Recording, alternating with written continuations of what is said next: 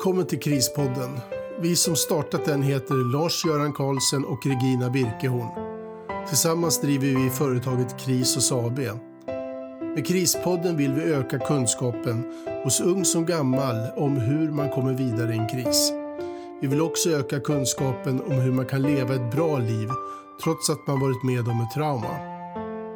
Regina som är krisexpert och författare kommer dels att berätta om fall hon haft under sina 20 år som krishanterare och dels på ett praktiskt sätt förklara krispsykologin.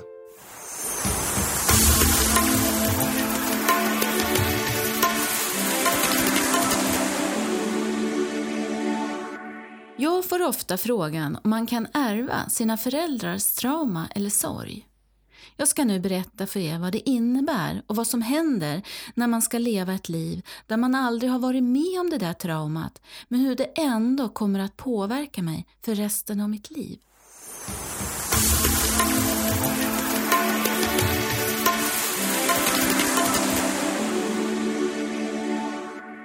Gruppen av människor som sitter framför mig jobbar på ett av många företag som jag brukar träffa i mitt arbete. Jag står där framme och jag berättar om hur hjärnan i kris fungerar och hur vissa beteende och fysiska symptom i kroppen blir svår för hjärnan att hantera. Jag ser ut över gruppen framför mig. Jag kan se att det sitter en del människor och de skriver frenetiskt allt som jag säger. Några börjar klia sig på kroppen och tycker att det är lite obekvämt att sitta här. Någon ser på mig med tårar i ögonen. Och det finns också en och annan som verkligen lyser upp som solen och skiner. Jag fortsatte då att berätta om vad som sker i hjärnan när allt upplevs vara normalt och när livet känns bara bra. Jag förklarar hur de där olika systemen i hjärnan ska samarbeta för att kunna tolka och hantera alla intryck. Jag ser hur någon i gruppen framför mig stannar upp i allt. Det, den där blicken, den känner jag igen. Jag kan se hur känslorna verkligen griper tag i den där personen och jag ser också hur personen glider bort och seglar bort med blicken. Den där blicken säger mig vad hjärnan håller på med. Långt där inne i hjärnan så finns det minnen som aldrig har processats. Situationer som aldrig har fått ord, känslor som hela tiden ligger inombord och skaver tyst. Med hjälp av informationen som jag berättar och som nu äntligen deras hjärna börjar förstå. Mina ord sätter fart på de där fruktansvärda minnena, smärtsamma situationer, på ett trauma som någon eller människor aldrig har orkat lyssna på eller förstå. Jag ser också hur den där informationen sakta, sakta sjunker in i dem, mitt framför mig. Det är som att hjärnan börjar få svar, den börjar att förstå. Jag förklarar vad som sker när hjärnan inte får hjälp att tolka och processa och få stöd i att hantera kriser eller traumatiska händelser i livet. När de där nycklarna och strategierna man har med sig i sin uppväxt inte är tillräckliga för att komma vidare i krisprocessen. Jag förklarar även vad som händer när människor fastnar, när hjärnan inte klarar av att fungera som den gjorde innan. Jag berättar också om den där PTSD-diagnosen, Post Traumatic Stress Disorder. Jag förklarar också hur hjärnan resonerar och vilken problematik det blir i relationer och i vardagen. Samt om den där psykiska och fysiska ohälsan som också då bara infinner sig. När föreläsningen är över kommer en kvinna fram till mig. Hon hälsar på mig och jag känner igen henne direkt. Blicken hon hade periodvis, den glömmer ju inte jag. Jag kommer från Balkan. Balkankriget, kommer du ihåg det? Ja, ja, jag kommer ihåg det, svarar jag henne. Nu förstår jag varför mina föräldrar mår som de gör. Men vi har ju aldrig fått hjälp. Min pappa har den där diagnosen, PTSD. Det har ju säkert min mamma också. Men eftersom ingen av dem har arbetat en enda dag sedan de kom till Sverige så finns det ju heller ingen som vet om hur vi har haft det. Min bror och jag, vi fick ta hand om allting själva. Jag var ju jätteliten men då blev det ju min bror som fick, han blev ju den som tog hand om mig och mina föräldrar. Men min bror, han sitter nu i fängelse. Han klarade inte av skolan eller någonting. Han fastnade i ett missbruk. All den här informationen som du berättar, den skulle vi ha behövt när vi kom. Det här är ju självklara saker. Men ingen visste någonting. Ingen förstod heller varför det blev som det blev hemma hos oss. Nu fattar jag. Nu fattar jag varför jag mår som jag gör. Jag har ju ändå klarat av skolan och skaffa jobb. Men jag mår ju inte bra i alla fall. Jag har bestämt mig för länge sedan att aldrig skaffa barn. Inget barn ska ju behöva känna så här. Nu förstår jag ju ännu mer varför alla mina relationer, de håller ju aldrig. Informationen, den bara rann ur henne. Hennes berättelse är ju inte så olik någon annan som jag möter. Smärtan, sorgen, ångesten och tårarna som aldrig har fällts, de bara rinner ner från hennes kinder där hon står mitt framför mig. Mitt i det där kan jag ändå se hur ett lugn infinner sig i hennes annars så bistra ansiktsdrag. Och hon märker inte ens att de där tårarna rinner, för hon har fullt upp att berätta sin historia. Hon tackar mig, hon kramar om mig och innan vi skiljs åt så säger jag till henne, Hörru du, än hur lång tid som har gått så vill hjärnan faktiskt förstå. Det du kommer ihåg ifrån dagens föreläsning, Berätta det vidare till din familj. De behöver ju samma ord och de behöver mer ord på traumat och den där kriget som fortfarande spelas upp för dem i deras vardag fast de är i Sverige.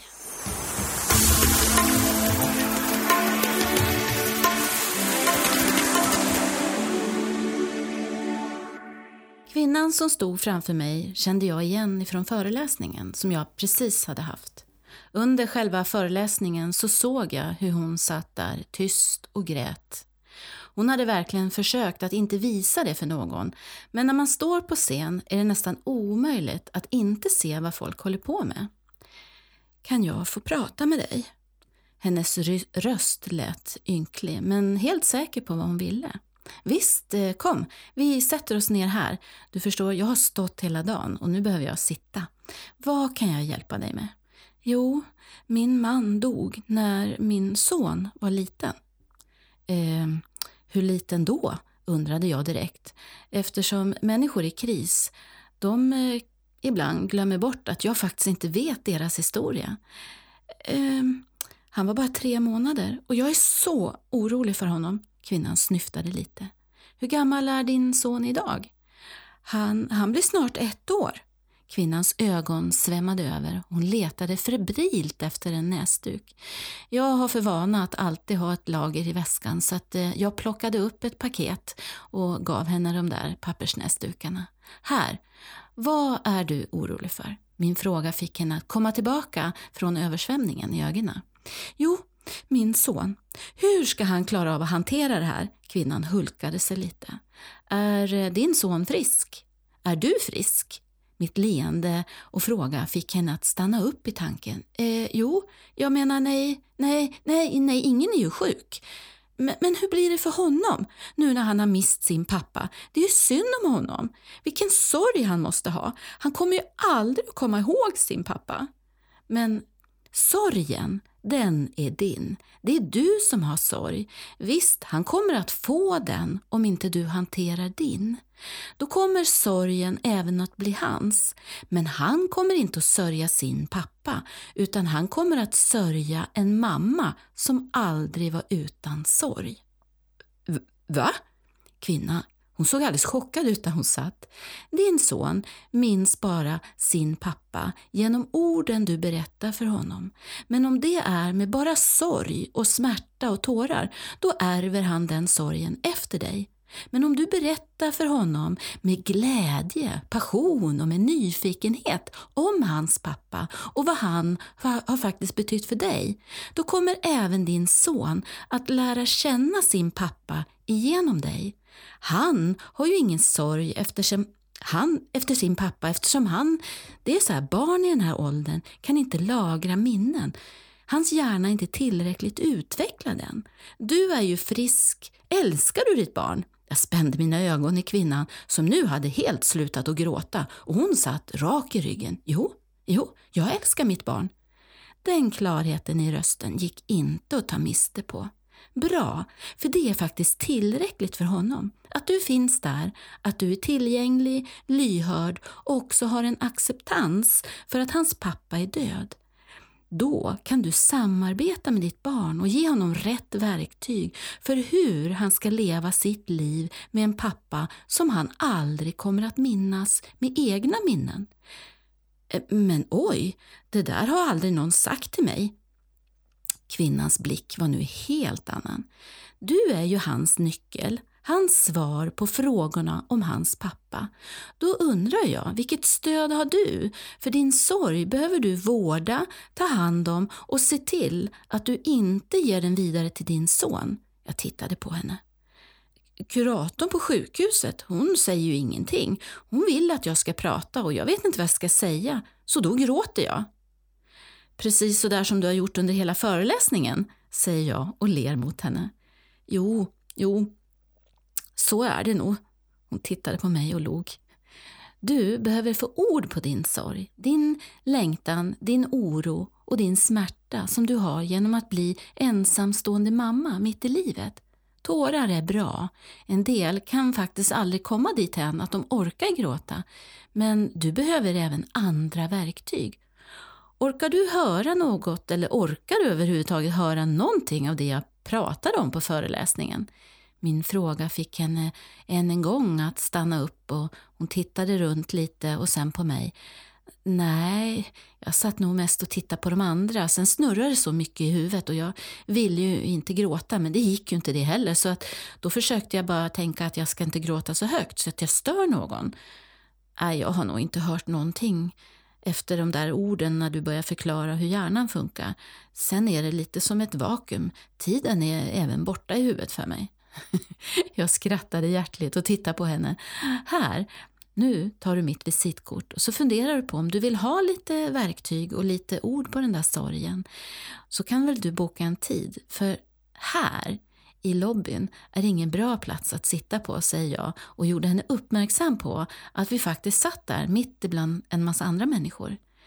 Men jag har så svårt med barnvakt. Hon suckade djupt. Du behöver ingen barnvakt. Du kan ta med dig din son och komma. Jag har inga problem att du har honom med.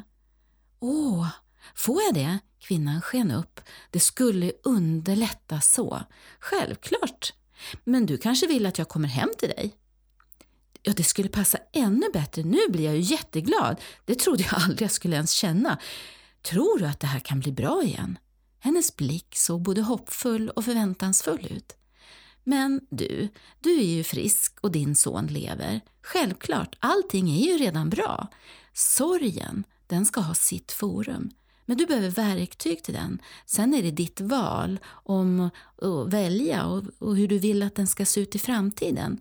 Det är ju så här, någon gång så kommer det att bli en ny väg för dig. Sorgen kommer du alltid ha med dig. Frågan är ju bara hur stor plats den ska ta. Jag tittade på henne medan jag gjorde mig klar för att resa mig upp. Kvinnan hon reste sig upp mycket fortare och innan jag hann ens reagera så kramade hon om mig hårt.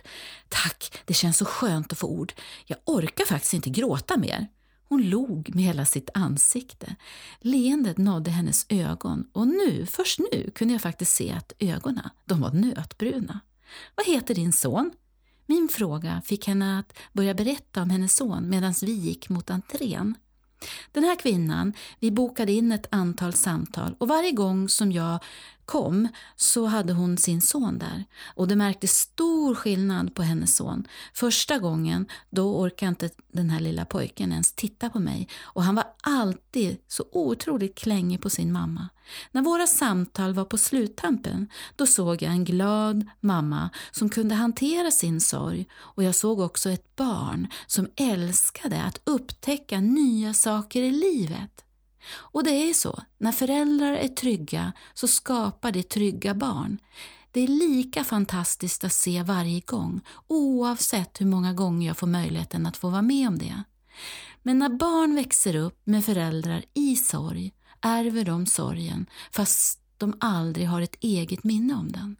Jag möter även många människor som växer upp i familjer där krigsminnen, PTSD, blir deras vardag fast de inte ens var födda när deras föräldrar var utsatta för Balkankriget eller diktaturen i Chile, tortyren eller skenavrättningarna i Iran eller flykten från ett sovjetiskt fångläger.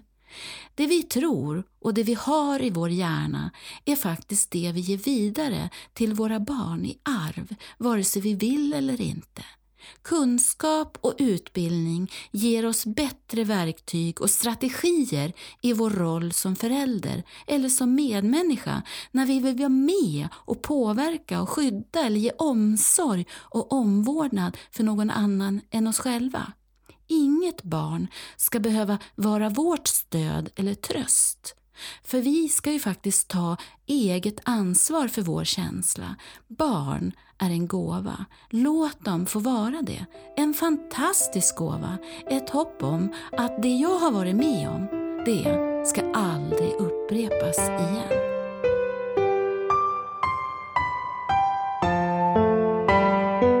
Tack för att du lyssnat på Krispodden. Om du har frågor till Regina kan du mejla dem till info.krisos.se. Krisos stavas med C. Vill du veta mer om Krisos kan du gå in på vår hemsida www.krisos.se eller besöka oss på Facebook.